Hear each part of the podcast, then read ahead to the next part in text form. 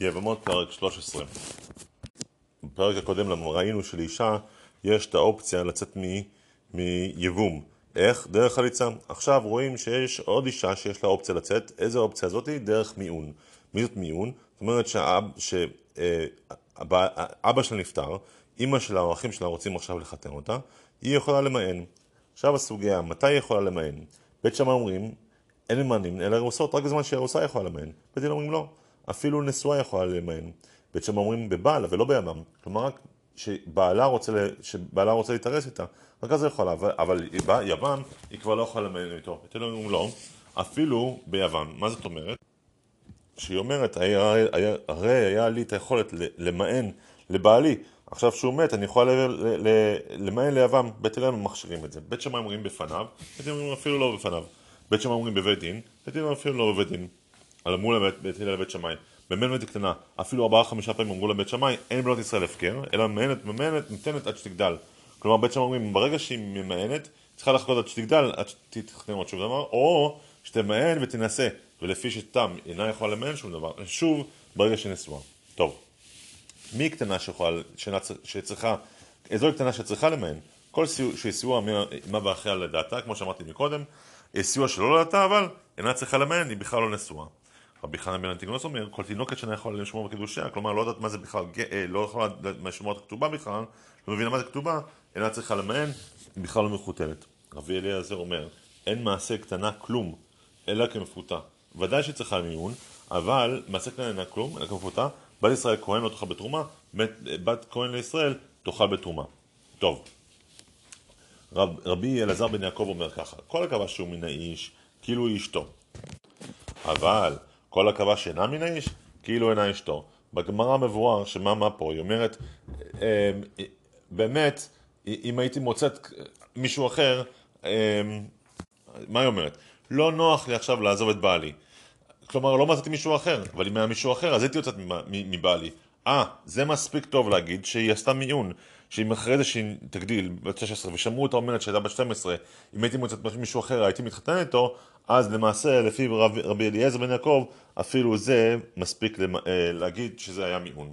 כל הכבוד שאינה מן האיש כאילו אינה אשתו. טוב, מה ה-consequences, כלומר מה הנפקמינות של מיעון? ממנת באיש, הוא מותר בקרובותיה והיא מותר בקרובותיו ולא פסל מן המכונה. כלומר, כאילו בכלל רטרואקטיבית לא היה אפילו פה נישואין. אבל נתן לה גט, הוא אסור בקרובותיה, היא אסור בקרובותיו, הוא פיסה מן הכהונה. טוב, נתן לה גט והחזירה. מישהו נתן גט לאשתו, ואחרי זה התחתן איתה שוב פעם. ואז היא עשתה מיעון. והתחתנה עם מישהו אחר, ונתרמלה ונתגרשה ממישהו אחר הזה. האם מותרת לחזור לבעלו? מותרת לחזור לו. למה? מכיוון שנישואיה השניים הסתיימו במימון. ולא בגט. אבל, מה שאין כן, אם מיינה בו וחזירה, נתן לה גט ונישאת לאחר ונתן לה קדושה, אסורה לחזור. למה? כי נישואין הראשון יתעשו בגט ולא במיון. זה הקר, גט אחר מיון אסורה לחזור בו, אבל מיון אחר גט מותרה לחזור בו. מותרת לחזור בו. טוב. מה שאמרנו מקודם, שמי שממיינת אחר גט, זה רק כשהוא נותן לה את, ה, את הגט. אבל אם יש פה כמה אנשים, כמו במשנה הבאה, משנה ה', הממיינת באיש, ואחרי זה נישאת לאחר, הוא מגרש אותה. ולאחר נישאת לאחר ומיינה בו, ולאחר וגרשה לאחר ומיינה בו, כל שיצא ממנו בגט אסורה לחזור לו, במיון מותרת לחזור בו, מכיוון שמה שאנחנו אומרים שמותרת לחזור אחרי מיון זה רק מאותו בן אדם. טוב, עכשיו, עכשיו שאמרנו שמישהו מגרש את האשתה והוא מחזיר אותה, האם עכשיו היא מותרת ליבם או לא? האם נגיד שמכיוון שהייתה אסורה לו שעה אחת אולי תהיה אסורה לעולמית? לא. מותרת לו, מכיוון שברגע שהוא יחזיר אותה, שוב חוזר הדין של היבום.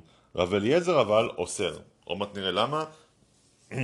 לכן מגרשת היתומה, פה רב היתומה, מגרשת היתומה וחזירה מדי רבנן, מותרת לאבם. זה חידוש, רב אליעזר אומר, אפילו פה הוא אוסר. אפילו פה שיש פה די רבנן. אבל בקטנה שהסיעה אביה בדין, אחרי זה נתגרשה, ו... היא כיתומה, נכון? היא כמו כיתומה, בזמן שאבא שלה חי, בחיי האב. למה היא כיתומה בחיי האב?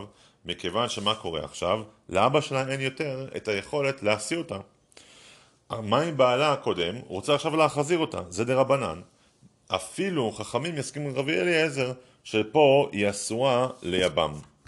למה היא אסורה ליבם? מכיוון שברגע שהוא החזיר אותה, הוא היה נשוי לה מדרבנן, אבל יש לה דין מגורשת מדאורייתא, ולכן מי שהייתה גרושה היא אסורה ליבם מדאורייתא. זו הסיבה שרב אליעזר אוסר את שני הנשים האחרות מאותו הדין. טוב, זה גדר של, שלא נבוא למשנה דין. טוב, מתחילים חטיבה חדשה בפרק הזה, ובואו נסתכל עכשיו על נישואים שהם נישואים דה רבנן ונישואים דאורייתא, ואיך ההשפעה של אחת משפיעה על השני. הנה הדוגמה הראשונה. שני אחים, נישואים לשתי אחיות, יתומות קטנות, זה נישואים שהם דה רבנן, מכיוון שהן יתומות, כן? מת בעלה של אחת מהן, נישואים דה רבנן, מת בעלה אחת מהן, ונופלת עכשיו האישה לייבום. היא אחותה של אשתו. אבל מצד אחד, מצד שני, אבל הייבום הוא רק דרבנן, מכיוון שכך תצא משום אחות אישה ושלום על ישראל, כלומר גם בשתי חרשות אותו דבר, מכיוון שנישואים הם דרבנן. מה עם גדולה וקטנה? גדולה של שנישואיה הם דאורייתא, וקטנה דרבנן. מת בעלה של הקטנה, שם דרבנן, תצא הקטנה משום אחות אישה. כי זה קל לשחרר את הקטנה משום אחות אישה. מכיוון שברגע שהיא נופלת לייבום, אומרים שבאמת את, אה, לא, לא, הייבום שלך הוא רק מן הרבנן, באמת אבל אחותה של אשתי, אני נשוי לה דאורייתא, לכן תצא.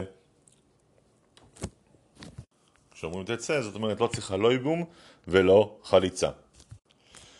מה שאין כן אם אין בעלה של הגדולה. עכשיו, היא באה ובאה ל... ל... אמ, באה לאח של בעלה, ואומרת לו, אני הייתי נשואה דאורייתא לבעלי, ולכן הייבום שלי איתך עכשיו הוא דאורייתא.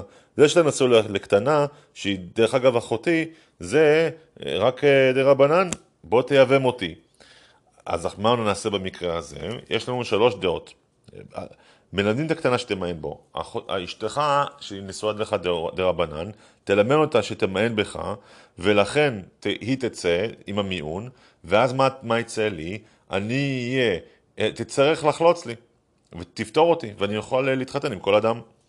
רבן גמליאל אומר לו, היא מיאנה מיאנה, אנחנו לא נחייב אותה, לא מלמדים אותה למיין, אבל אם לא, לא מיאנה, תמתינה שתגדל. כשהקטנה תגדל, בינתיים שתהיה נשואה לך, קטנה הזאתי, וכשהיא תגדל, פתאום, אז מה היא תהיה? אחות אשתך דאורייתא. ואז זה אשת איש היבמה, ולכן תצא לזאת משום אחות אישה. רב יהושע אומר לו, כל זמן שיש לך פה זיקה ליבמה מדאורייתא, איך אתה נמצא עם אשתך שהיא רק דרבנן? לפיכך, אוי לו על אשתו, או לא על אשת אחיו. מוציא את אשתו הקטנה בגט, ואשת אחיו אחרי זה יוצאת בחליצה. הלך ואיבד את שני המקומות. טוב, אנחנו עדיין בסוגיה של מי שנשוי לשתי יתומות קטנות, ועכשיו הוא מת. אוקיי, האם ביאתה או חליצה של אחת מהן פותרת את צרתה, כמו שנגיד בנשים רגילות, נכון? מי שנשוי לשתי נשים, הוא, הוא וביאה של אחת מהן פותרת את צרתה. מחליצה אפילו, נכון? האם זה נכון גם בשתי יתומות קטנות? אומרת המשנה, כן, ביאתה של חצה של אחת מהן פותרת את צרתה. וכן בשתי חרשות מאותה סיבה. מה אם זו אחת שתי נשים, אחת קטנה ואחת חרשת? האם ביאת אחת מהן פותרת את צרתה? לא. מכיוון שהם אומנם שתי, שתי נישואים די רבנן, אבל שתי נישואים שונים ואנחנו לא יודעים אם יותר חזקה. מה אם פיקחת וחרשת? הוא נשוי לאחד פיקחת ואחת חרשת, אז ביאת הפיקחת פותרת את החרשת, כי נישואים שלהם הם די רבנן, אבל מה שאין כן, אין ביאת החרשת פותרת את הפיקחת. ועוד פעם, גדולה וקטנה, ביאת הגדולה פותרת את הקטנה, והקטנה פותרת את הגדולה. טוב, שוב, מי שהיה נשוי לשתי נשים, לשתי יתומות קטנות ומת. בא יב"ם על הראשונה, הוא בא וייבם את הראשונה, וחזר לבעל השנייה, או שבא חיבל השנייה, לא פסל את הראשונה, וכן בשתי חרשות. מדוע? מכיוון שהם, הביאה הראשונה היא, הם שניהם דרבנן, ולכן כשהוא בא בפעם השנייה על החרשת או על הקטנה, הוא לא פסל, לא, לא, לא היה פה נזק לזיקה של הראשונה. אוקיי, קטנה וחרשת, בא יבם על הקטנה וחזר בעל החרשת, לא פסל את הקטנה. מה שאין כאן אם הוא בא על החרשת וחזר בעל הקטנה, או שבעל אחיו לקטנה, כאן הוא כן פסל את החירשת. למה? כי הנישואים של הקטנה הם נישואים יותר, הם יותר חזקים. למה? כי יש לה שעת כושר לקטנה, היא תגדיל ואז נאכל. אבל מה שכן על החירשת, שהיא תמיד אסורה. אוקיי, פיקחת וחירשת, בא יבם על הפיקחת, זו ביאה גמורה, יש פה היוון גמור, וחזר בעל החרשת ובעל החרשת, לא פסלת פיקחת, כי אשתו לגמרי.